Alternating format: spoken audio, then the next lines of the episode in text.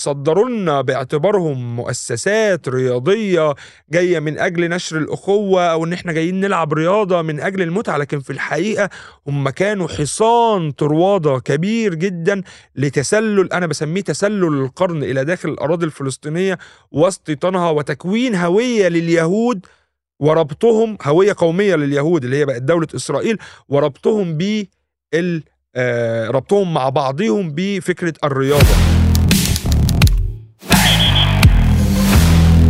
أنا حذيفة وأنا محمد وإحنا هنا في الدويتو. إزيك يا محمد؟ زي الفل. أنت عامل إيه؟ إيه؟ ألف سلامة. الله يسلمك. باين على صوتي ها؟ باقي الله يخليك الله يكرمك. قبل ما نخش كنت بتقول لي في موضوع مهم حاجة كده موضوع كنت بتتكلم فيه. خش عليا هنا بقى؟ آه بحبك وأنت عامل نفسك آه، مش واخد بالك. آه اعتبرنا ما اتكلمناش في حاجة وخش. من الأول تاني. عايزين الناس تعرف. طيب خلينا ندي بس خلفية للموضوع عشان الناس تبقى فاهمة بتكلم من أنهي زاوية. هي. فكرة إنه أنا شغال صحفي رياضه تقريبا بقالي عشر سنين. فلاقط اللي بيحصل جوه مطبخ آه، الصحافة. ولو حد مثلا بيتفرج علينا وعايز يفهم يعني إيه صحفي رياضي ده بيعمل إيه أو الصحفي ده بيعمل إيه دلوقتي في الزمن اللي إحنا فيه ففي النهاية باختصار آه، وأنت بتقلب scrolling كده على الفيسبوك على الإنستجرام على تويتر حتى كمان دلوقتي على تيك توك وبيطلع لك أخبار تفجير هنا أزمة اقتصادية هناك. إحنا اللي بنكتب الأخبار دي وإحنا اللي بنوصلها أنتوا اللي بتفجروا الأزمات. إحنا اللي بنقرر إيه اللي أزمة وإيه اللي مش هيبقى أزمة. يعني. إيه اللي بيوصل آه للناس. فكنت بقول لك إنه للأسف قبل آه 7 أكتوبر وقبل عملية طوفان الأقصى كلها الصحافة العربية بقى بكل آه، يعني فروعها ما كانش عندها قضية مركزية بتتكلم عنها. فكان اللي بيحصل إن إحنا بنستورد قضايا الآخرين وبنبدأ نعربها ونبسطها ونقدمها للقارئ العربي أو المشاهد العربي. فعلى آه، سبيل المثال خلينا نتكلم في مسألة حرب آه، روسيا على أوكرانيا أو الحرب الروسية الأوكرانية. بدأت الأخبار تطلع بعد أول 10 أيام في فبراير فعلى طول إنه احتمالية غزو تحصل. فبدأت على طول الصحف العربية تشتغل إنه والله طيب في آه، غزو لا مفيش غزو. طب الاحتمالات طب السيناريوهات. طيب آه، أمريكا قالت إنه هيحصل غزو وروسيا نفت. ده بيحصل إزاي؟ عن طريق إنه كل مؤسسة صحفية عندها غرفة تحرير بيجتمع فيها رؤساء الأقسام والمديرين واعضاء الفرق وبيبدأوا يتناقشوا في المسائل دي ونتناولها إزاي. فكانت القضية الغالبة من يوم تقريبا 10 فبراير لما طلعت الأخبار وبعد كده بنتكلم في يوم 24 بداية الغزو. لغاية يوم 6 أكتوبر إحنا بنتكلم عن الحرب الروسية الأوكرانية تأثير الحرب الروسية الأوكرانية على الاقتصاد تأثيرها على ال- اللاجئين في أوروبا لأن الأوكرانيين طلعوا. بنتكلم عن الناتو آه، والجدار واللي عايزين يعزلوا بيه روسيا أو يحاوطوا بيه روسيا. بنتكلم عن بيلاروسيا الحليف المقرب لروسيا ووضع الرؤوس نووية هناك. بنتكلم باختصار في قضية ما تخصناش إحنا كعرب آه، بشكل كبير بتأثر علينا لكن مش قضية جوهرية بالنسبة لنا أو مش بشكل مباشر يعني تأثيرها يعني في. تداعيات مش بالظبط. مش قضيتنا من. الآخر طيب إحنا لو مش هنتكلم عن الموضوع ده أتمنى يعني الأساتذة والناس يعني الأصدقاء ما يزعلوش من لسه كنا بنتكلم في إيه كنا بنروح نتكلم عن آه، احتماليات غزو الصين لتايوان فنبدأ بقى ناخد القارئ العربي في رحلة معانا إن تايوان كانت جزء من الصين ودول المعارضين للنظام اللي هاجروا وأمريكا بتحميهم. طب مش هنتكلم في الموضوع ده فهنتكلم والله في حرب الرقائق الإلكترونية اللي هي اللي بيسموها ال microchips وإنه مش عارف شركات إنتل بتصنع إيه وتايوان بتصنع إيه والصين عايزة تصنع. طب عايزين نخفف على الناس عايزين نروق عليهم. فبنبدأ نتكلم عن والله إيلون ماسك اشترى تويتر إيلون ماسك آه، بقى أغنى رجل في العالم. أو بقى مثلا تعالى أكلمك في التغير المناخي ماذا سيسبب والمدن التي ستغرق. مواضيع ما بقولش إنها مش مهمة لكنها مش قضايا مركزية. فده طبعا لغاية يوم 6 أكتوبر. هنا يوم 7 أكتوبر لا بقى في قضية مركزية. الصحافة العربية بتتناولها وسائل الإعلام بتغطيها بتشتبك معاها فأنا عمال أصدر للعالم دلوقتي بدل ما كنت بستورد. أنا كنت عمال أستورد اخبارهم واعربها وأتعب عليها لدرجة إن وصلنا إنه القارئ العربي بقى فاهم آه، خريطة آه، إقليم الدنباس وشبه جزيرة القرم مم. آه، وعارف كييف وحواريها وشوارعها. هنا نفس القارئ ما عندوش فكرة عن الخليل ورام الله والضفة الغربية. ولو قلت له بقى شوية بقى تعالى أدخلك في القدس ونابلس و... هيتوه منك على طول. بالظبط.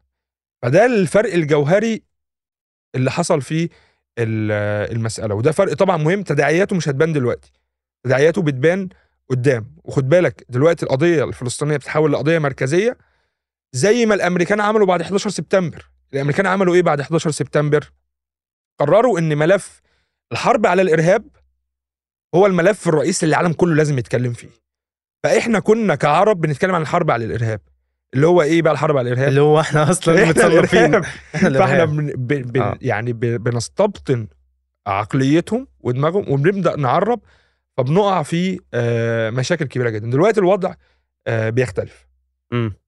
هو يعني نقطة آه، اللي أنت كنت بتتكلم فيها بخصوص بس إن كنا دايما بنستورد إن عندهم مشاكل أنا حاسس إن برضو ال- الإعلام العربي والصحافة العربية م- مش عايزة تصدر بس حدث 7 أكتوبر كان كبير وقوي جدا لدرجة إن هو فرض سيطرته فرض نفسه لأن آه، وخلى ال- الصحافة العربية تصدر لبره. يعني بحس إن هو برضو أنت بتكلمني إن قبل 7 أكتوبر مفيش حاجة مركزية عربية. هو فيه بس مش مركزية قوي مش زي حدث فلسطين. يعني كل دولة وفيها مشاكلها وفيها آه الأحداث بتاعتها الكبيرة جدا اللي اللي صحافتنا ما بتتكلمش عنها. ما هو تفهمني إنما آه. حدث زي ده خلى غصب عن الصحافة دي غصب العالم في كله. ال- انت العالم عندك كله. انت عندك رئيس أوكرانيا زيلينسكي طلع بنفسه قال لك الحرب في في مم. الشرق الأوسط سحبت البساط من تحت إيدينا. هو بالظبط الحدث نفسه كبير. ده عظمة مجلل. اللي حصل في 7 7 أكتوبر. إنه في ناس قررت تحيي القضية ولو على حساب آه، أرواحها وممتلكاتها وأولادها. يعني ليفل أصلا تضحية ضخم جدا يخلي العالم كله يفرض المسألة دي. طيب هو هنا بقى بيجي سؤال مثلا ممكن يكون جه في بالك أو جه في بال حد بيتفرج يقول لك طيب يا عم أنت راجل آه، بتاع رياضة. مم. فانت حضرتك صحفي رياضي يعني المفروض تقول لي مثلا مالك أنت ومال القصة دي. آه أنت إيه اتكلم- علاقتك. اتكلم عن كريستيانو ولا عن ميسي ولا أحسن 10 أهداف ولا أي حاجة؟ إحنا كنا بنعمل كده. كنا. بنتكلم مثلا والله قصة رونالدو ووالده اللي كان سكير و... وبعدين الواد طلع من قلب المعاناة وبقى نجم عالمي. بتملى هوا. ميسي يعني لا مش بتملى هوا في النهاية بتقدم وجبة آه ترفيه. بالظبط لأن يعني مفيش م- حاجة م- أكبر من كده تقدر تقليلا لا في. النهاية الرياضة مهمة والترفيه. مهم لكن أنت كنت بتتكلم في إيه فأنا أصلا كنت ماشي في المسار ده وساعة يوم 7 أكتوبر أنا كنت أجازة مم. صحيت في يوم من الأيام بعد أربع تلات بعد أربع خمس أيام من الحرب كلمني مديري أستاذ غاندي أيوه أستاذ غاندي آه عايزينك ترجع يعني اقطع الأجازة محتاجين نشتغل فأنا صراحة كنت مستني المكالمة مم. فيلا نرجع نشتغل. بس هنرجع نشتغل إيه؟ ما إحنا مش هنشتغل تاني بقى شاهد هدف رونالدو. فمحتاجين نتكلم عن الرياضة في فلسطين تاريخ الرياضة في فلسطين أو الرياضة الإسرائيلية أو تاريخ الرياضة الإسرائيلية وإزاي ساعدت في آه، بناء دولة إسرائيل. هنا أنا اكتشفت إن أنا إنسان آه، أقرب إلى الجهل. يعني ما ما أعرفش حاجة. من كمية اللي أنت اكتشفته. بت- بتقرأ حاجات أنت أنا فين؟ أنا كل اللي أعرفه والله أنا هقول لك ال expected goals والإحصائية الفلانية وتاريخ أليكس فيرجسون وانهيار آه، برشلونة وأزمته المالية وريال مدريد وفلورنتينو بيريز. أحكي لك مجلدات في القصص دي. أقول لك بص اديني حديده وأقعد أغني معاك. لكن لو قلت لي والله طيب أول نادي في فلسطين طيب إزاي الإسرائيليين استخدموا الرياضة من أجل احتلال فلسطين؟ أبيض يا ورد ما أعرفش حاجة. فبدأت رحلة محو أمية حرفيا. في بقى مشكلة قابلتني أول حاجة بسم الله الرحمن الرحيم إنه محدش تقريبا كاتب شيء بالعربي إلا نادرا نادرا نوادر. يعني أذكر مثلا ال- المؤرخ الدكتور عصام الخالدي ده أنا اعتمدت عليه اعتماد يعني رهيب الراجل مؤلف كتب ومجلدات في المسألة دي. لكن غير كده اجتهادات فردية الناس بتنقل حكاوي سمعتها من أجدادها. وطبعا في مؤرخين فلسطين بس ما فيش في المحتوى العربي شيء مكتوب في المسألة. والعرب الرياضي كمان بالأخص يعني مش إحنا هتلاقي. مركزين والله مثلا رحنا رونالدو ميسي أنت عارف أصلا عشنا آخر 20 سنة في العالم العربي إنه في مقسوم نصين ناس بتشجع رونالدو وناس بتشجع آه ميسي. أو ريال مدريد وبرشلونة. يعني أكتر منهم ريال مدريد وبرشلونة. صح. فبدأت ال- الرحلة من هنا وخدنا بقى قصة إيه؟ إنه إزاي إسرائيل استغلت الرياضة لبناء نفسها أو إزاي قادت المشروع الصهيوني من نهاية القرن 19 بدأوا في استغلال وتوظيف الرياضة من أجل تأسيس دولة إسرائيل. ده ملف يعني واضح ومكشوف. لكن قبل ما نخش في الملف ده خليني أقول لك قصة تأسيسية في في المسألة دي. وهي بداية اضطهاد اليهود كديانة أو كأمة في أوروبا بدأت من حوالي 500 ل 600 سنة. في يوم من الأيام صحي البابا بولس الرابع وأعلن رسميا كبابا للكنيسة إدانة اليهود باغتيال السيد المسيح. طبعا ده كان قرار جاي في وقت سياسي أصلا في مشاكل ما بين السلطة واليهود. بناء على القرار ده الدولة قررت كذا إيه موقف تجاه اليهود. بسم الله الرحمن الرحيم. رجالة اليهود هيلبسوا طواقي صفر. ستات اليهود هيلبسوا أشربات أو مناديل صفرة. تقول لي ليه صفرة؟ أقول لك لأن اللون الأصفر كان يمثل عندهم الحسد والجشع والكراهية. وهم باسم أحمر بيوصموهم. بعدين قالوا لهم يا معلمين أنتوا إيه؟ هتقعدوا في مدينة أو حي ومش هتطلعوا منه غير بأوقات وترجعوا له بأوقات. وفي بقى إيه؟ آه حراس ورجال شرطة هم اللي بينظموا عملية الدخول والخروج. اللي هو مفهوم الجيتو.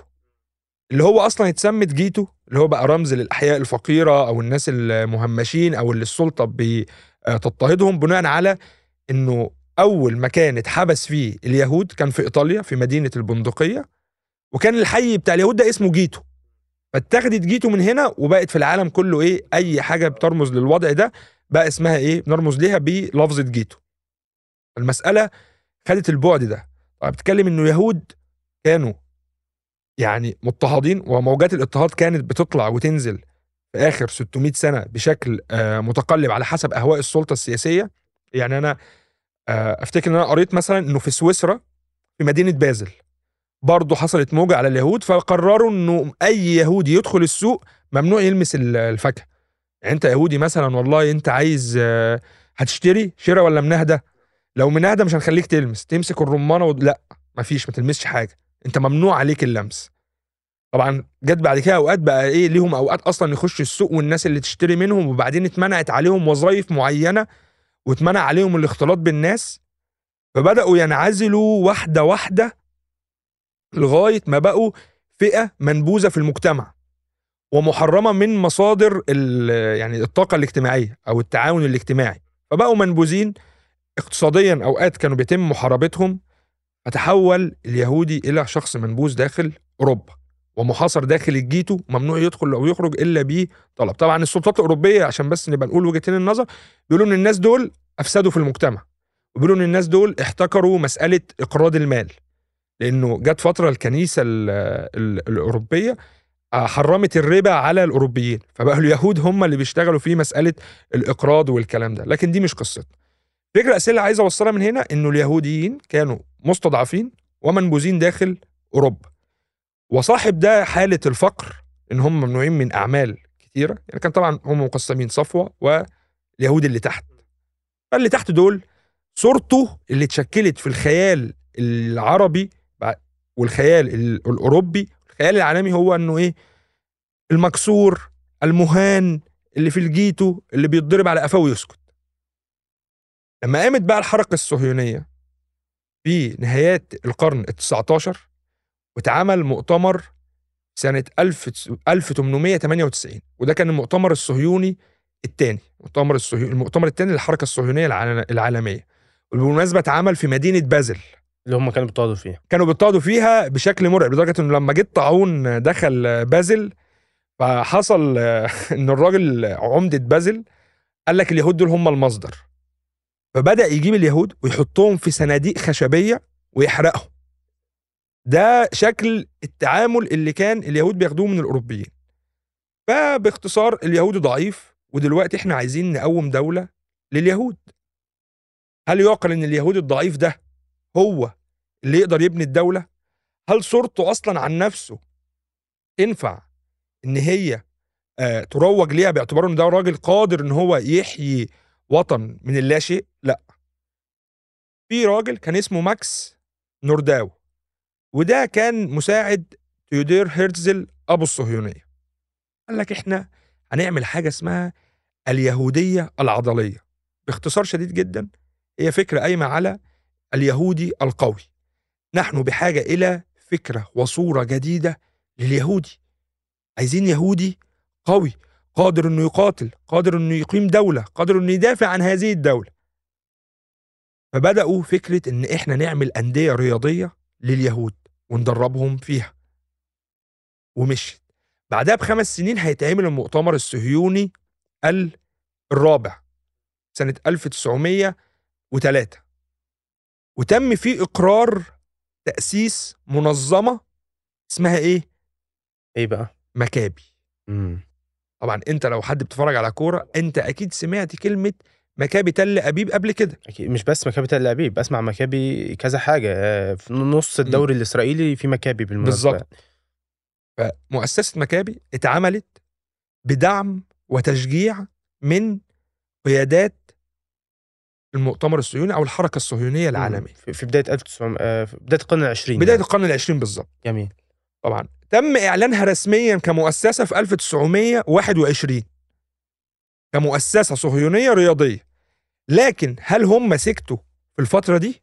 يعني هل من 1903 لحظة إقرار آه القرار بتاع تأسيس المؤسسة؟ أبدا راحوا أسسوا نادي مكابي تل أبيب كان اسمه إيه بقى؟ كان اسمه ريشون لتسيون أو يافا هشرح لك دلوقتي المعنى ريشون لتسيون دي هي منطقة الض- الضاحية الجنوبية ب آه، بتل أبيب دلوقتي. ومعناها ككلمة هي الأول إلى صهيون. يعني تقريبا معناها أول من تصهين وأويافا دي اللي هي لأنه المكان كان يافا لأن تل أبيب أصلا كانت كانت يافا. ده اتعمل في سنة كام؟ 1906 واتعمل مكابي آخر هو مكابي حيفا. وعد بقى كده. كل ده عمال يتعمل قبل إعلان المنظمة رسميا وإقامتها رسميا. بدأوا على الأرض عملي لغاية ما حصل بالظبط. يعني الإقامة بتاعت النادي. طيب هو إيه بقى الفكرة؟ طب ليه ليه هنا قرروا إن هم يستثمروا في مؤسسة رياضية؟ سؤال ممكن يجي في بالك. يعني هم سايبين الأرض والحكومة البريطانية والحكومة ال- الروسية والكلام ده كله والدولة العثمانية. كانوا في محاولات سياسية. هم اكتشفوا حاجة مهمة جدا. إحنا عايزين من المنظمة دي ثلاث حاجات رئيسية. أول حاجة إحنا عايزين نخلق رابطة بين اليهود. بمعنى أنا دلوقتي هجيب الناس دي في أرض فلسطين. في يهودي حضرتك جاي من مصر ده بيتكلم مصري وبياكل كشري وبيعشق الحواوشي وفي يهودي جاي من المغرب وفي يهودي جاي من أفريقيا وفي يهودي جاي من أوكرانيا وفي يهودي جاي من ألمانيا. دول ما بيربطهمش أي حاجة غير إن هم يهود. صح لا لغة ولا تاريخ ولا عالم ولا ولا عادات ولا تقاليد ولا طريقة تفكير ولا تصور عن العالم ولا أي حاجة. مم. هنا اكتشفوا أهمية الرياضة. إحنا محتاجين الرياضة تربط ما بين الناس دي لأن أنا في النهاية أنا وأنت دلوقتي نزلنا الشارع قابلنا شباب واحد من قرغستان والتاني من كينيا وبس معاهم كورة. هنلعب وإحنا ما بنتكلمش إنجليزي ولا هم بيتكلموا لغتنا ولا إحنا فاهمين بعض. أنا هقول له أنا هقف جون انت تقف قدام وانت شوط الكورة وهات الجون. وباص آه. هيفهمني. مم. لو قلت له تعالى نلعب سباق هيفهمني. فلغة الرياضة هتقربهم من بعضهم طيب ده حاجة. تاني حاجة إحنا هنجيب الناس دول لما نجيبهم يلعبوا مش بس هنسيبهم كده يلعبوا ويمشوا لا. هنجيبهم يلعبوا وبعدها نبدأ نكلمهم عن الصهيونية. خد بالك الناس دي كتير منهم جه وهم أرض فلسطين وهم بيبحثوا عن فرصة لحياة آمنة. يعني اللي جايين من أوروبا دول بيهربوا من الموت. صح. واللي جايين من مصر دول يعني اتلعب عليهم مثلا دينيا. اللي جاي من المغرب نفس أنا كنت الكلام. لسه أقول لك ما لكن- استغلال اليهودية في مشروع الصهيونية ده أكيد اتلعب بالكارت ده كتير. إن هو مش هيجيبك على طول بفكرة إن تعالى عشان المشروع الصهيوني قد ما هو بالظبط. يجرجر رجلك بالظبط. تعالى فرصة ال- عمل. آه. تعالى ال- وارض تجمع اليهود. بالظبط. هنا بقى كنت هجي لك لنقطة لسه هنوصل لها قدام اللي هي نقطة إنه دي كانت أرض بلا شعب. أرض بلا, بلا شعب. شعب. لشعب بلا أرض اللي هو إحنا إيه؟ اليهود. بالظبط. فالنقطه الثانية بس عشان ما انساش هي إنه إحنا بعد ما نخلق رابطة من الناس دول إحنا هنبدأ نشربهم العقيدة الصهيونية. اللي هي باختصار إيه؟ إن أنت كيهودي ليك حق في الأرض دي وإن دي أرضك وإن واجب عليك إن أنت تبني هذه الأرض وتبني دولتك. هنا وانه ده وعد بقى ال- الدين لينا وإنه لازم كذا كذا كذا. فيبدأ يزرع جواهم هذا الاعتقاد. شوف إحنا بنتكلم إن الأندية موجودة من سنة كام؟ من بداية القرن العشرين تقريبا. المؤسسة أعلن عنها رسميا في 1921 أيوه كل ده قبل إقامة دولة الاحتلال ب 20 سنة أو 40 سنة كمان 40 سنة. يعني آه. طيب. خلصنا إحنا لعبناهم رياضة وشربناهم العقيدة الصهيونية. هنبدأ نقول لهم إحنا هنعمل نشاط كشفي نشاط كشافة. طب نشاط الكشافة ده حضرتك بتتعلم فيه إيه لما تبقى تنضم لنادي من أندية مكابي أو مركز شباب من مراكز شباب مكابي؟ بتتعلم فيه حمل السلاح وبتتعلم فيه الثقافة العسكرية. فتم من خلال مكابي تدريب وتأهيل اليهودي الضعيف المهان منعدم الكرامة إلى إنه يبقى جندي عنده وعي بالتراتبية العسكرية عنده وعي بحمل السلاح واستخدام السلاح وإنه جهزوهم يا اخوانا كجنود لغاية ما تيجي اللحظة المناسبة. تحت اسم رياضي. اسم رياضي. الموضوع خد بعد مع الوقت كان بيتطور. فالحقيقة يعني الجهد اللي عملوه الصهاينه في سرقة أرض فلسطين أكبر مما أي حد يتخيله. يعني إحنا خلصنا دلوقتي مسألة إن إحنا جبناهم وعملنا لهم آه، آه، يعني الأنشطة الرياضية ودربناهم وزرعنا جواهم الصهيونية وعلمناهم شيل السلاح. باعتبار إن ده جزء بقى لازم يكون من إيه خد بالك اللي اقترحه ماكس نورداو اللي أنا لسه قايل لك. عليه اليهودي القوي. العضلي. فده اليهودي القوي. صح. بيعرف يلعب رياضة بيعرف يحمي نفسه والموضوع وجسمه قوي. صح والحوار ده بياخد سنين وسنين. بالظبط. بس هم قدروا ينفذوا ده. في 1898 مؤتمر الصهيوني الثاني دلوقتي إحنا بنتكلم فيه إحنا داخلين على العشرينات. ففي جيل تقريبا 22 سنة 25 سنة بتتكلم إن في جيل طلع قدرنا نأسسه بالشكل ده. طيب بعد ما خلصنا النقطة دي دلوقتي عايزين ناخد الموضوع لليفل أعلى. ودخلنا أرض فلسطين خد بالك نادي مكابي آه اللي هو آه ريشون لتسيون ويافو ده اتغير بعد كده. وبقى على طول مكابي إيه؟ تل أبيب مع تأسيس مدينة آه تل أبيب. وبدأت أندية مكابي تظهر في نقاط مختلفة من فلسطين. ونقلنا بعد كده بقى للل level الثاني اللي إحنا عايزين نضع أيدينا على هذه الأرض بطريقة رياضية. نعمل إيه؟ نعمل إيه؟ قعد ليفي مع جدعون مع بنيامين قال لك إحنا نعمل أولمبياد. أولمبياد اليهود. سموها الإيه بقى؟ من مكابي. مكابياد. على وزن أولمبياد. creative قوي طيب المكابيات دي ألع... بيسموها كده. دورة الألعاب اليهودية. زي دورة الألعاب الأولمبية. بس دي بينهم من بعضهم. آه. اتعملت أول مرة في أوروبا. على الضيق كده لأنه بتتكلم اتعملت في آه، نهاية العشرينات آه، من القرن العشرين. فكان برضو إيه بدأ يحصل الناس بدأت في أوروبا والسلطات والدول بدأت تزوم على اليهود. فقرروا في النسخة الثانية ليهم سنة 1932 إن إحنا نعملها في أرض فلسطين. ودعوا مين؟ ودعوا السلطات البريطانية. ساعتها كانت فلسطين تحت الانتداب انتداب البريطاني. حضر الراجل ممثل آه، بريطانيا وعملوا مسيرة بالأعلام البيضاء والزرقاء. ودخل رئيس آه، رئيس منظمة مكابي ساعتها على ما أعتقد الحفل على حصان أبيض. وإدوا الموضوع طابع قومي ديني. فكانوا بيخلوا الكشافة بتوعهم يمشوا في شوارع القدس يرددوا أناشيد بالعبرية ورافعين الأعلام وبيعملوا حدث رياضي ضخم. فده كان استغلال لفكرة الرياضة في زرع الهوية القومية الإسرائيلية على أرض فلسطين. وبالمناسبة كانوا أبلغوا الفيفا إن هم هيعملوا ال- الحدث ده والفيفا باركت لهم. فأنت بتتكلم إن هم هنا كانوا عندهم فطنة لموضوع استخدام الرياضة في تأسيس الدولة. فإدينا طابع دلوقتي إنه والله يا إخوانا إحنا جينا الأرض فاضية. إحنا اللي علمناهم الإيه؟ الرياضة وعلمناهم المهرجانات وعلمناهم الأولمبياد. إحنا بناة الحضارة والفلسطيني بطبيعة الحال هيبقى إيه؟ الإنسان البدائي المتخلف. يعني إيه وحشر الفلسطيني اللي يكون متخلف؟ فبدأوا هم يمشوا في السكة دي. طيب هل ده كان الموضوع بس؟ لا.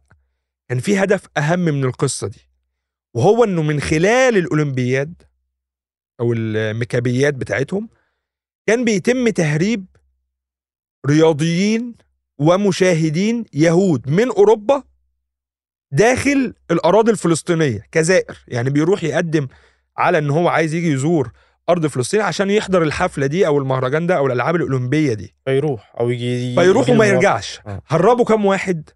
18000 في الدورة الأولى. طبعا واحد يقول لي 18000 يعني يا أخويا مش رقم إيه؟ مش رقم كبير. أقول لك معاك حق. بس مش رقم كبير لو الناس دي مش هتخش تتعلم شيل السلاح وتعمل بعد كده كتائب وتكون جزء من عصابات الهجانة اللي هتقتل الفلسطينيين في النكبه في 48 وبعد كده العصابات دي هتتحول إلى جيش الدفاع الإسرائيلي. فلا العدد ضخم. صح 18000 مش قليل لو بتتكلم في سنة- تحمل السلاح و... و... وفي الآخر تحاول تستولي على بالظبط. أراضي الفلسطينيين يعني. بالظبط. وأنا. هقول لك بقى إيه الرابط ما بين مكابي وموضوع السلاح ده قدام. بعدين بنخش في مرحلة 1935 بيتكرر الحدث تاني وبيهربوا 10000 واحد. إحنا بنتكلم إن قرابة 30000 واحد معظمهم من الرياضيين يعني أصحاء بدنيا وناس عندها القدرة إنها تركب البحر وتيجي من أوروبا وتيجي من كل العالم عشان تتفرج. فناس يعني يعني في أغلب المراجع الكلام عن إنه دول ناس فت ناس أقوياء ناس قادرين إن هم يكونوا جزء من عملية الاستيلاء على الأرض بعد كده. طيب عملنا المكابيات وأسسنا فكرة عند البريطانيين تحديدا باعتبار إن الأرض كانت تحتهم وباعتبار وعد بلفور إنه إحنا بنات دولة إحنا بنات حضارة. وهربنا في وهربنا يهود بطريقة غير شرعية إلى داخل الأراضي الفلسطينية. في بقى هنا بقى ده بعد تعليم السلاح وعلى سيره تعليم السلاح عشان ما انساش هي فكرة مكابي نفسها. هو ليه اختاروا اللفظة دي؟ هو يعني إيه مكابي؟ يعني إيه مكابي؟ ليه اخترنا هذه الكلمة تحديدا؟ شوف مكابي هي لفظة بتطلق على جيش اليهود القديم. نسبة إلى القائد اليهودي العسكري يهوذا مكابي. وده واحد كان موجود في القرن الثالث قبل الميلاد وحارب انتشار الوثنية داخل آه، الديانة اليهودية. لكن الأهم اللي عمله إن هو حارب من أجل استقلال سياسي واقتصادي لليهود. وقدر فعلا إن هو يحقق ده بشكل كبير. وبالنسبة لهم رمز ضخم جدا لدرجة إن آه، نتنياهو نفسه تقريبا من شهر كان بيتكلم في الموضوع ده وبيقول أن مقاتلون يقصد المقاتلين في غزة بيسيروا على نهج المكابيين. وهو طبعا المسألة عندهم عقدية بدرجة كبيرة جدا حتى في موضوع الرياضة. إحنا سميناه مكابي مؤسسة رياضية لكن هي مؤسسة أصلا ترمز إلى جيش. أنت بتتكلم إنه مكابي دي مؤسسة عبارة عن حصان طرواده من جواه من براه رياضة وأنشطة رياضية وكانوا بيلعبوا العرب على فكرة وتعالى العب معانا ونلعب معاك بس من جواه إيه؟ مؤسسة استيط- استيطانية استعمارية مسلحة قادمة من أجل قتل العرب والمسلمين وتهجيرهم من أراضيهم. نقطة ومن أول السطر. والاسم نفسه بيرمز إلى ده ولما نتنياهو يشير إلى ده. أكبر دليل أكبر إن دي دليل هو الناس منظمه عاملاها عشان كده. عسكرية آه. بالأساس يعني منظومة عسكرية مبنية على ال ال الإيديولوجيا ال- الصهيونية فهي بالتالي يعني في منتهى العنصرية والاستعمارية وقول بقى زي ما أنت عايز تقول. طيب رمزية المكابيات دلوقتي بقت ضخمة جدا في العالم. أنت بتتكلم إنه آه, آه رمزية المكابيات بقت ضخمة جدا في العالم لدرجة إنه جو بايدن في شهر يوليو من السنة اللي فاتت حضر الألعاب الأولمبية اليهودية اللي اتعملت في القدس. وكان ساعتها آه وزير رئيس الوزراء هو يائير لبيد. وكان أول رئيس أمريكي يحضر في التاريخ. وكان الاحتفاء الإسرائيلي بالأمر وكأنه يعني إنجاز ضخم جدا جدا جدا. وحتى إن بعض الصحفيين الإسرائيليين ساووا ما بين حضور بايدن للمكابيات وما بين نقل ترامب آه، سفارة آه، أمريكا إلى آه، القدس. 2015 النسخة اتعملت في ألمانيا بنفس الساحة الرياضية الأولمبية اللي استضافت أولمبياد 1936 اللي عملها هتلر. وعلى حسها قمع يهود لأنه برضو عمل نفس عمل طروادة أو كاموفلاج. بص هناك أنا بقتلهم هنا. مفيش حاجة صدفة في ال... في الدنيا دي.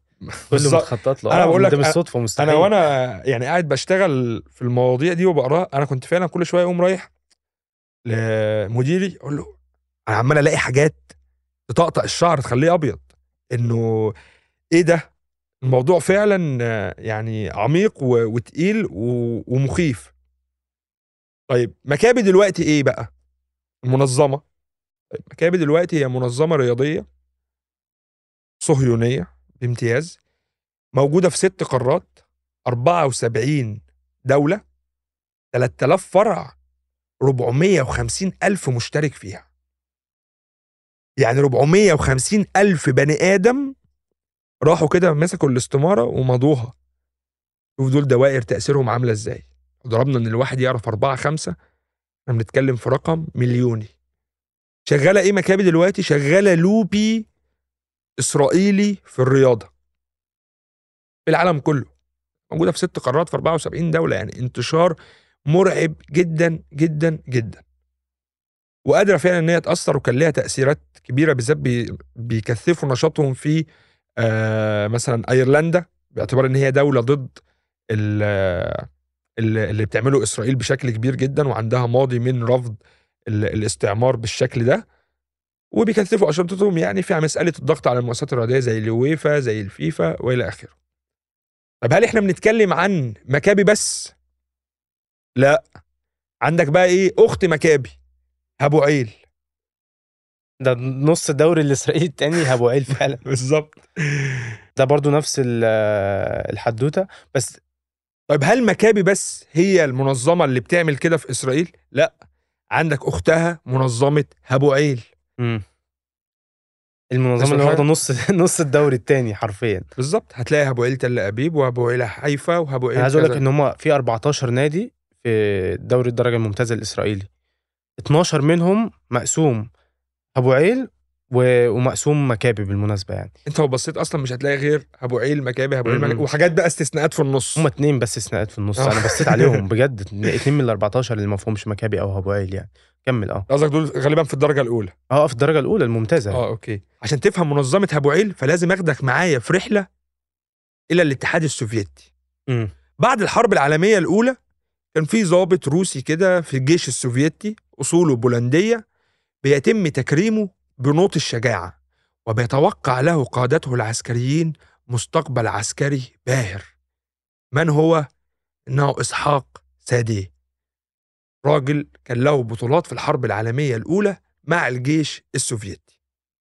إسحاق قبل انضمامه للجيش وخلال فترته في الحرب العالمية تعرف على صديقه جوزيف ترامبلدور وهما الاتنين اعتنقوا الأفكار الصهيونية. هما كانوا من اليهود. جوزيف ترامبلدور هيأسس مع إسحاق ساديه حركة اسمها الرائد وهي حركة صهيونية تهدف إلى إنشاء وطن قومي لليهود في فلسطين. الحماسة هتاكله هيقرر إن هو يسافر إلى الأراضي الفلسطينية وعايز يستوطن منطقة هيطلع الجيش السوري هيقتله هو وثمانية من أصدقائه. هيوصل الخبر لإسحاق ساديه الدم هيغلي في عروقه وهيقرر إنه يسيب المعسكر ال... ال... وهيقرر إنه يسيب المستقبل العسكري الباهر الذي بانتظاره ويهاجر إلى أرض فلسطين من أجل الثأر ومن أجل تأسيس وطن قومي لليهود بسرعة جدا وبسبب خبرته العسكرية هيبقى مسؤول عن عصابات الهجانة يكون قائد لعصابات الهجانة فين؟ في القدس ولما هتقوم ثورة البراق سنة 1929 هيكون من أشد القادة العسكريين الإسرائيليين في التعامل مع الثوار العرب. هيبدأ عملية قتل وإرهاب لرد كل الثائرين اللي في الشوارع. طيب في سنة 1936 هتقوم ثورة عربية تانية في الأراضي الفلسطينية.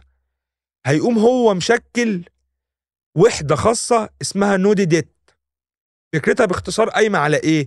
إن الثوار العرب دلوقتي بيخرجوا من أماكنهم وبيبدأوا يهاجموا مناطق الاستيطان الإسرائيلي ونقاط القوة ال- البريطانية هل إحنا بقى هندافع بس عن نفسنا؟ لأ قرر إنه الوحدات دي الخاصة هتبقى إيه؟ هتبقى وحدات هجومية فأنتوا يا عرب بتطلعوا تثوروا على وجودنا يبدأ هو يروح مناطق عربية عارف إنه ما فيهاش مثلا عدد كبير من الشباب أو غير مسلحة بشكل كافي ويمارس ضدها إيه؟ عمليات بقى قتل وتعذيب و و و وبعد كده هنخش إن هو هيأسس وحدة البلمخ. ودي وحدة قوات خاصة كانت يعني من أبشع ما يمكن. حاجة خفيفة كده من اللي عملوها قرية اسمها الدوايمة. جنب مدينة الخليل في فلسطين. كان عنده استراتيجية. طبقها في هذه القرية. إيه الاستراتيجية؟ الراجل بيخش دخل هو ورجالته يعني ده مش نظريا هو فعلا دخل قرية الدوايمة هو ورجالته. أول حاجة بيفجر 20 بيت. بعد ما قضى على المسلحين المقاومين. فالناس تروح تحتمي بالجوامع كان ده العرف. يقوم مفجر الجامع. ومطلع الرجالة اللي باقيين في القرية وأطفالهم وعيالهم ومطلع الناس كلها ويقتل كله في إعدامات ميدانية. بس يسيب كام؟ خمسة ستة. يروحوا للقرى المجاورة يقولوا للناس اللي حصل. ويوصفوا هول المشهد اللي عاشوه. فالناس تقوم عاملة إيه؟ سايبة أراضيها لأنه ما حصلش أصلا أي دفاع آه عنه. ده كان إسحاق سدي طب هتيجي تقول لي طيب يا عم الحاج أنت حكيت لي قصة يعني مروعة ما علاقتها بالرياضة؟ إيه دخل ده بالرياضة؟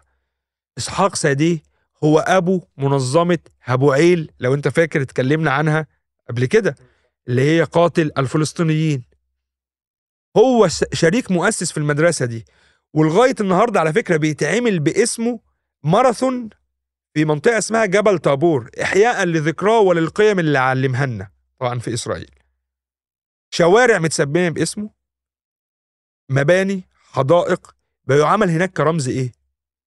كرمز رياضي طب منظمة هابوعيل دي عملت إيه؟ وتعالى قول لي يعني إيه هابوعيل كده؟ هابوعيل دي كلمة عبرية معناها العامل ال worker تمام ترجمتها يعني الإنجليزية قامت أو أسست في سنة 1926 وكانت بتشارك في المكابيات. معاهم أصلا؟ معاهم وهما كانت مفتوحة للكل. طيب تمام.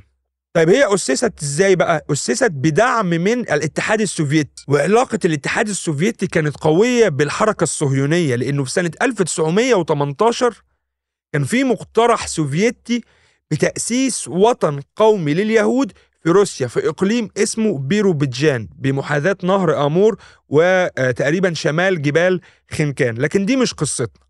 القصة إن هم عملوا هابوعيل عشان تكون زي آه، مؤسسة نفوذ لليهود العمال داخل فلسطين.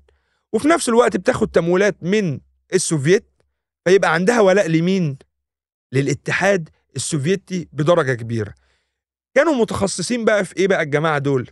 هم يجيبوا برضو اليهودي العامل البسيط يدوا له الجرعة بتاعة الصهيونية ويربوه ويعلموه شيل السلاح وبعد كده يبقى على طول عضو في عصابات الهاجاناه والمتميزين كان بياخدهم الوحدات الخاصة لأنه إسحاق ساديه بقول لك كان co-founder معاهم. يعني هو راجل كان شريك آه مؤسس معاهم. فكان بياخد من هنا الأقوياء يوديهم على طول يسكنهم في عصابات الهجانة اللي هو تولى كمان آه قيادة أركانها لفترة من الفترات. وكانوا بقى بيركزوا على آه، عمال الايه ال- الميناء وبتوع النقل والشحن البحري. ليه بقى؟ هرب لي يا باشا. عايز يهرب يهود بالذات من لما. انت قلت في اولمبيات اليهود ذات نفسهم. بالظبط. آه، كانوا بيستغلوها في مسألة تهريب اليهود من أوروبا مثلا ل- هناك. فبالظبط مؤسسة زي بتاعه أبو عيل لو مركزين على عمال البحرية فدول هيساعدوهم في قصة ساعدوهم. بقى بشكل رهيب جدا جدا جدا. مم. وابو علم من البداية لأن هم واخدين الطابع الشعبي بتاع العامل البسيط فكانوا قادرين كمان إن هم يخترقوا المجتمع العربي. يعني في النهاية لو راجل عربي عندي مثلا أي نوع من أنواع البيزنس فواحد يهودي بسيط مش هياخد مرتب كبير. عادي عامل يعني في النهاية وأنا بشوفه عامل زي العامل العربي بس والله إيه أرخص أو أجرته أقل. فشغلوا فبشغله. فحصل من خلالهم اختراق. طبعا كل ده في في, في النكبه بقى اسفروا عن وجههم ال- ال- البشع والعمال دول والصهاينة الموجودين على أرض فلسطين. طلعوا عمال مدربين على حمل السلاح وفاهمين تكتيكات عسكرية وطلع منهم قادة عسكريين وشاركوا في النكبه اللي اسفرت عن تهجير وقتل تلتين الشعب الفلسطيني. طيب النهارده هابوعيل بعد تفكك الاتحاد السوفيتي طبعا انهارت. ومكابي هي بقت الواجهة الرياضية الرسمية للبلاد. بالمناسبة مكابي ومكابي وكانت ضمن مكابي كانت ضمن المؤسسات الإسرائيلية التي وقعت على بيان إعلان إسرائيل مع حكومة ديفيد بن جوريون. وهابوعيل كمان في 48 كانت وقع تحت الاتحاد العمالي هيستدروت اللي وقع برضو على بيان إعلان دولة إسرائيل. فهم مشاركين مش عايز أقول في المسرحية لكن في المؤامرة اللي اتعملت على أرض فلسطين هو تصدروا لنا باعتبارهم مؤسسات رياضية جاية من أجل نشر الأخوة أو إن إحنا جايين نلعب رياضة من أجل المتعة لكن في الحقيقة هم كانوا حصان طرواده كبير جدا لتسلل أنا بسميه تسلل القرن إلى داخل الأراضي الفلسطينية واستيطانها وتكوين هوية لليهود وربطهم هوية قومية لليهود اللي هي بقت دولة إسرائيل وربطهم بال آه، ربطهم مع بعضهم بفكرة الرياضة. أنت بتخلق ما بينهم أو, رابطة. أو العمال أو منظمات العمال بالظبط. هو double بقى إيه فاهم؟ آه، face. آه double face يعني أنت على يمينه على يمينه على ظهره بينور وعلى وشه إيه برضه بينور. هابوعيل النهارده زي ما كنت بقول لك بعد انهيار الاتحاد السوفيتي بقت مؤسسة ضعيفة شوية. مقتصرة على إيه بقى؟ على أفعال ويعني أمور خبيثة لكن مش مكلفة. فهم بيشتغلوا على فكرة التعايش ما بين الشباب العرب واليهود في القدس تحديدا لأن هم عينيهم طول الوقت على القدس الشرقية. فعايزين الجيل اللي ناشئ من الشباب العربي اللي عارف إن هو لو قرر يلعب في نادي فلسطيني عربي له هوية إسلامية أو مسيحية هيقابل بمجموعة من العراقيل ضخمة جدا فبيقول له تعالى العب معانا. إحنا هنا واحد. ومن خلالها بيشتغلوا على تجنيد الشباب الصغير ده أو تغيير هويته أو تزييف وعيه. بس هي دي قصة أكبر مؤسستين رياضيتين في إسرائيل عملوا كده. نبذة من جانب رياضي تديك فكرة عن بقى اللي اتعمل على المستوى الاجتماعي والمستوى الديني والمستوى السياسي والتاريخي حاجات ممكن المتخصصين والخبراء يتكلموا فيها. لكن أنا بتكلم من اللي أنا قريته هم ده اللي عملوه. عارف إيه بقى المفزع؟ هو إن أنا أصلا معتمد في الكلام ده كله على مصادر أغلبها عبري. أنا بس قارنت الأوقات هم بيسموها هنا معركة كذا. فبشوف ده حصل فينا إيه في المعركة دي؟ مين اللي اتقتل من من أجدادنا هناك؟ لكن الحقيقة أمال بقى لو سمعنا شهاداتنا إحنا. صح. تبقى عاملة إزاي؟ ده رعب. نصبايه كبيره أو مخطط ضخم. مخطط يعني, يعني, يعني نصبايه دي نصبايه دي في سنة سنتين إنما ده. مخطط. وتقريبا آه حجم كم. الجهد اللي وضع من أجل سرقه فلسطين يعني مرعب وإيه وأجيال بتسلم أجيال إن لغاية النهارده لسه فيها أبو عيل ولسه في مكابي. بالمناسبة مكابي كان جات له فترة كده افتكر إن هم يعني أقوياء جدا ويقدروا يدوسوا في الدنيا فقرروا إن هم يتحولوا إلى حزب سياسي. لكن يعني دخلوا انتخابات وخدوا خمس أصوات خدوا خمس مقاعد في الكنيست الإسرائيلي فقفلوها وقال لك إيه ما هم مفيش حاجة بتيجي بالساهل. يعني أنت زي ما دلوقتي بنشوف مبدأ المقاومة وإزاي المقاومة بقت أو تحولت من ناس معاها طوبة ونبلة لناس معاها أسلحة محلية الصنع بتواجه بيها وبتنتصر بيها على العدو أو بتمنعه من الدخول. نفس فكرة المخطط اللي هم عملوه من قرن 19 عشان يتنفذ في القرن العشرين. ويسمع معانا دلوقتي بقى في إيه يا معلم؟ لما تشد الخط اللي أنت بتحكيه ده إن هم دخلوا إسرائيل أو آسف دخلوا فلسطين بهوية أو بصورة رياضية وفي الآخر اتضح إن في الأصل ده عسكري أو أو دي منظمات عسكرية ومتعلمة شيل شيل السلاح وإزاي تستعمله. نفس الفكرة دلوقتي لما تيجي تبص على الأندية الإسرائيلية وتلاقي إن من ضمنهم نادي بيتصنف وده الصحف الأجنبية والعربية وبص كل الصحف العالمية الرياضية وغير الرياضيه بتصنفه إنه أكتر نادي عنصري في العالم الوقت ده. نادي بيطار القدس. النادي ده اتأسس في سنة 36 1936 لكن في الأصل كان في اتحاد اسمه اتحاد بيطار ده اتأسس في سنة 1923 يعني قبل تأسيس النادي ب 13 سنة. آه الاتحاد ده كان اتحاد آه يميني متطرف وبناء عليه النادي برضو كان وقت تأسيسه في 1936 كان يميني متطرف جدا. النادي ده قايم على فكرة إن لا وجود للعرب وإن إحنا يعني حتى هم قايلين كده pure forever النادي ده نقي للأبد. نقي من مين؟ نقي من كل ما هو ليس يهودي. يعني فكرة تقول لي عربي يخش مسيحي يخش أي حد تاني يخش غير اليهودي الكلام ده مش موجود. تعال أحكي لك آه، النادي ده حصل معاه كذا حاجة خلال السنين آه، الأخيرة. أنت بتتكلم النادي ده آه، عنده المشجعين بتوعه. هو بالمناسبة هو واحد من أقدم الأندية الإسرائيلية وأكثرهم شعبية خصوصا في القدس الشرقية. تمام؟ عنده رابطة اتاسست في 2005 وتم اعتمادها كالرابطه الرسمية ل يعني لمشجعي نادي بيطار القدس بعدها بسنة على طول في 2006 الرابطه دي اسمها لا فاميليا زي بالإنجليزي العائلة يعني. ال- الرابطه دي اتقال عليها وتصنفت إنها اسمها ألتراس الإرهاب مبدئيا كده. من أكتر الروابط العنصرية في العالم ويمكن في التاريخ. الناس دي مش عايزة تشوف بني آدم مسلم ولا عربي يقرب من النادي بتاعها.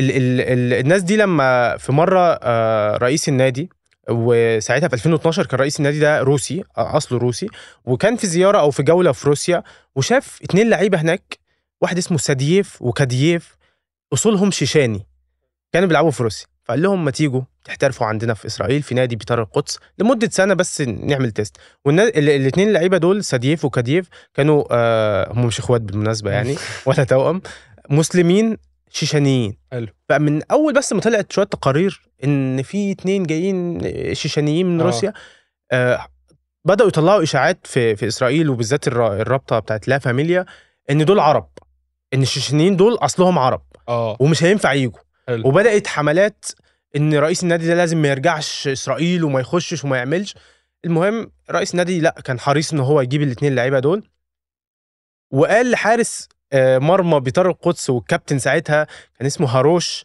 قال له يروح يستقبلهم في المطار. حلو.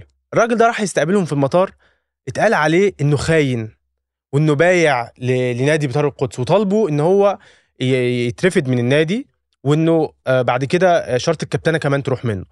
المهم اتنين لعيبة دول جم ولقوا بقى اضطهاد بص مرعب. محدش مفيش لعيب واحد بس من بيطار القدس بيقعد معاهم مثلا. يعني بيقعد معاهم. يعني اجتماعيا أيوه في الملابس أو بيخرجوا أو كذا واخدين آه. ركن واللعيبة الباقية قاعدة في ركن تاني لدرجة إن في لعيب فيهم في ماتش جاب جون حلو. الجمهور عمل إيه؟ عمل إيه؟ ساب الاستاد وطلع والله العظيم ما بهزر ساب الملعب ولف وشه وقعد يشتمه وطلع وشتموا النادي طب طبعا في الأساس أنا عايز أرجع لك بس قبلها بخطوة إن آه، رابطة لا فاميليا راحت بعد ما تم التعاقد مع كادييف وسادييف اللعيبة الشيشانية راحوا حرقوا مقر النادي حرقوه والموضوع عدى لأن هم عارفين مدى تعصب ومدى غضب الرابطة دي ومدى عنصريتها ومدى يعني إن هي قد إيه قبيحة فعارفين فالموضوع عدى وطبعا يعني الشرطة راحت قبضت على كذا واحد منهم. عجبتني قبيحة وبعدين بقول لك إن في لعيب منهم آه لما جاب جون آه، اللعيبة طلعوا، سابت آه. الاستاد. ولعيب تاني في مرة خد كارت أحمر. اللعيبة الجمهور في الاستاد كان بيسقف للكارت الأحمر بتاع لعيبه انه خد. وزيادة بقى عن كده الاتحاد الإسرائيلي ساعتها بتاع الكورة بدل ما يوقفوا ماتش أو ماتشين على الكارت الأحمر عمل فيه إيه؟ وقفوا لاخر الموسم. والله العظيم. اللي هو بقى إيه؟ عشان. نبسط الجمهور. والجمهور كان مبسوط. هي دي النقطة. الموضوع غريب جدا. كانوا بيتشتموا. وبص يعني فعلا اتعمل فيهم العجب. ويمكن دي من أكتر ومن أكبر المواقف العنصرية اللي ممكن تحصل لاثنين لعيبة. ده كان معاهم زميل مسيحي أرجنتيني ساعتها في نفس ال season. بيقول أنا شفتش في حياتي كده. يا عم أنا مسيحي وكانوا بيعاملوني عادي. الموضوع مش مجرد يهود قوي قد ما هم. شبهوهم شبهوهم بالعرب ولقوهم مسلمين. فالموضوع كان بالنسبة لهم خط أحمر. خط أحمر أنتوا إزاي تجيبوا لعيبة مسلمة؟ السنة خلصت روحوا على هو بلادهم الصراحة برضو ما غلط. على سديف و- وكديف كان همهم احتراف ما كانش في دماغهم قوي ماشي بس وكانوا آه، بيزوروا القرى الفلسطينية اللي من أصول شيشانية. الموضوع بالنسبة لهم أصل رئيس النادي اللي جاي يجيبك بيقول لك تعالى ألعب عندي. فما كانش في بالهم إن ممكن كل ده يحصل. بس وزيادة عن كده مثلا كان في لعيب آه نيجيري. نيجيري. لعيب نيجيري آه بسم الله الرحمن الرحيم. آه كان مسيحي. حلو. ولا عربي ولا مسلم أهو. والنادي كان عايز يتعاقد معاه. بس هو مسيحي في نيجيريا واسمه محمد علي. هو في. مسيحيين بيتسموا محمد أيوة، علي أيوة. بالمناسبة. فالجمهور وقف قدام آه، النادي وعمل احتجاجات ضخمة. لهم حاجة من الاثنين يا إما مش هتعاقدوا معاه يا إما يجي بس يغير اسمه. محمد ما يبقاش محمد وساعتها ينفع يخش. برضو لا والله كمان اسمع ده ده ده في مصايب. في لعيب برضو كان عندهم اسمه توتو تاموز كان لعيب نيجيري بس أصله يهودي وبيلعب في النادي بقاله فترات. توتو تموز توتو تاموز. ماشي. فبس فعشان أصوله نيجيرية فأسمر البشرة أو أسود البشرة يعني. فالمعلم ما كانش الجمهور ما كانش عاجبه أداء توتو تاموز. قاموا قعدوا يغنوا له إيه؟ إيه. آه خد موز خد موز يا توتو يا تموز مش عارف إيه. والله العظيم ما بهزر. قافية حكمت بس والله ده اللي حصل. اكتب بص على القصة هتلاقيها. اكتب توتو تموز والجمهور ال- بتاع بيطار القدس. الجمهور ده من أعنف ومن أكتر الجماهير اللي أو الروابط الارهابيه في في في العالم. أيوه بيروح يحرق النادي وبي- يحرق النادي. المشكلة كل ده يعني الناس بتعمل كده مثلا يعني في إيطاليا بيعملوا كده ضد الخصوم. يقول لك معلش اصل إحنا بنحاول نخرج الخصم برضه من شعوره ونضايقهم وبتاع. لا، ده معلم ده فرقتك. بالظبط. وبعدين آه، شعارهم الموت للعرب ودول من أكتر الروابط اللي بتشتم يعني استغفر الله سيدنا محمد ب... ب... في شعاراتها يعني كنت قريت إن هم بالظبط. لا مؤلفين أغاني إن مش- رابطه ف... صح،. صح. يعني فاكر إن أنا عدى عليا إن رابطه لا فاميليا تحديدا مؤلفه أغاني ب... بتسب الرسول عليه الصلاة والسلام بشكل يعني قذر هي بقى السؤال دايما أنا بقعد يعني أسأله لنفسي أين الفيفا؟ أين الاتحاد الأوروبي؟ فين يا جدعان الكلام اللي صدعتونا بيه؟ أنا عايز أقول لك إن دول ما عملوش ولا حاجة ولا إجراء ضدهم ده إسرائيل ذات نفسها في مرة لما اتضغط عليها شوية صنفت اللا فاميليا إنها منظمة إرهابية ومنظمة يعني تجرم في القانون. الفيفا ما عملتش كده. ده هم اللي منعوهم لا داخليا أعتقد لما دلوقتي على فكرة لو دورنا ممكن يعني أقوى بشكل أقوى ممكن نلاقي إن الحكومة الأخيرة اللي هي اليمنية. المتطرفه دي آه شالتهم من القايمة أو خلاص يعني بنتعامل مع الموضوع. لا إن هو ده ده الجديد. عارف إحنا الجديد يعني؟ الجديد من ناحية من ناحية إسرائيل إنه آه. عادي خلي بقى لا فاميليا عادي. يعني زمان إسرائيل كان فيها شوية آه، مراعاة لحقوق الانسان منظرنا قدام العالم. بره آه لا دلوقتي إحنا دخلنا مرحلة آه، إتمار بن غفير وقطعان ال- المستوطنين اللي مم. هم بقى إيه اللي يعني في حد قال عليهم لفظ ال- الجرابيع الجدد اللي هو جايين بقى إيه آه يعني هو كده. ده اللي عندنا واللي مش عاجبكم اشربوا من البحر. والرابطة دي هتفيدهم جدا زي ما انت على سيرة مكابي وعلى سيرة أبو عيل. الرابطة دي أصلا من الروابط اللي بتنزل في مسيرة الإعلام اللي بتتعمل كل سنة. بتن... دي من من يعني شريك أساسي في فكرة مسيرة الإعلام ال- السنوية. تنزل تهاجم العرب تهاجم ال... ال... المسلمين طبعا وبتوصل لتهديد بالقتل. لأفراد الفريق اللي ممكن ما يعادوش العرب بشكل كبير.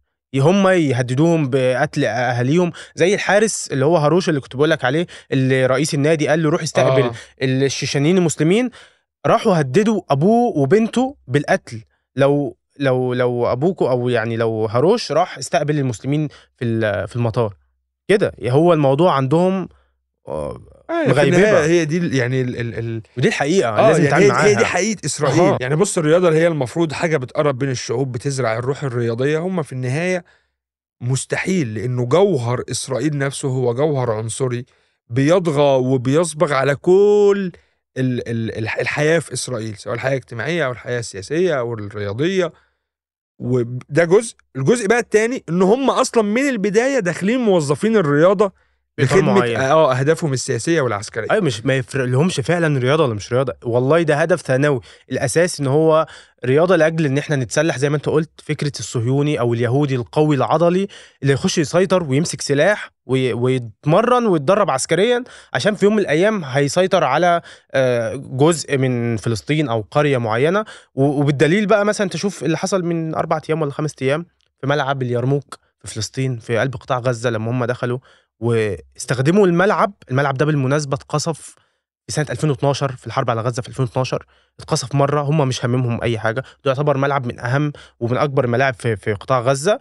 المرة دي استعملوه لاعتقال الناس وتعريتهم والتنكيل بيهم وإعدام بعضهم وكان منهم طفلين من وسط ال- الشباب الغزاويه ومرة تانية برضو الفيفا لم يندد رغم إن الملعب على ما أعتقد دولي.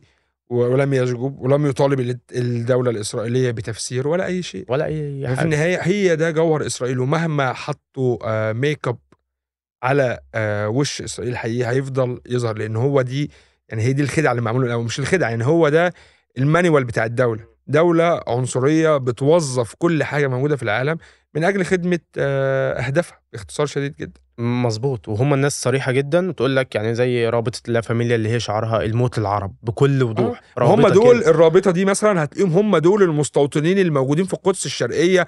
هم دول اللي بيروحوا يطردوا. الفلسطينيين من بيوتهم وياخدوهم. هم دول اللي بيقوم واخد عربية وشايف شوية عرب واقفين يقوم دايس عليهم. قاتل له طفلين ثلاثة مش هيجيبوا من بره يعني هم مش من- هم هيستوردوهم آه. خلاص بطلنا الاستيراد. دلوقتي ال- الهجرة عكسية بيطلعوا بره إسرائيل. لكن الموجودين دول هم دول الناس اللي هم استثمروا فيهم في بداية القرن العشرين زي ما أنت قلت سواء مكابي أو عيل كبيره بالظبط استثمار طويل المدى عشان يوصلوا للحظة دي وأنا شايف إن أنت في بداية. في بداية الحلقة لما اتكلمت عن نقطة التركيز على بقى أجندة تحرير فلسطين أو إن إحنا نركز في أجندة عربية ده وقته إن إحنا نفهم آه، أبعاد القضية الفلسطينية نفهم زي ما إحنا كنا فاهمين القضية ال- أو الحرب الروسية الأوكرانية كانت عاملة إزاي نفهم بقى الحرب بتاعتنا دي عاملة إزاي أيوه نركز. عليها عشان خلال العشر سنين الجايين نكون إحنا استوعبنا ناخد خطوات. وناخد يعني خطوات عملي. خطوات. يعني عادي هم خدوا خطوات. إحنا كمان يا عم ممكن ناخد خطوات ربنا يكرمنا يا عم. يعني وإحنا أقل منهم. الحاجة إحنا لا ناقصين إيد ولا ناقصين رجل. يعني هي دي برضو فكرة مهمة جدا. بدل ما عندنا خبراء في كل الشؤون يبقى عندنا ش- خبراء في الشأن الفلسطيني. الناس العادية تبقى فاهمة الموضوع ده. يعني أنا فاهم مثلا الناس بتحب الكرة إن هي تسلي نفسها بيها بس في أوقات لأ أنت محتاج تشوف الجانب ال- ال- المزعج في. المسألة. بالظبط هم استعملوا الرياضة استعمال آه، استعماري بشكل أساسي. انت كمان لازم على الأقل يبقى عندك جزء توعوي من خلال الرياضة. أو استعمال سياسي أو عادي سياسي صحيح. آه، بس. وسلمي وجميل في إطار الرياضة نفسها. مظبوط. ماشي. تشرفنا أستاذ سيف حبيبي أستاذ محمد. الله يكرمك. معلومات قيمة واستفدت منك كتير والله بالمعلومات الكبيرة دي. ونشوفكم في حلقة تانية إن شاء الله. لو وصلت لحد هنا يا ريت ما تنساش آه، تقول لنا رأيك في الحلقة وتعمل like و subscribe وال share الجميل وتستنانا الحلقة الجاية إن شاء الله. بث حديث.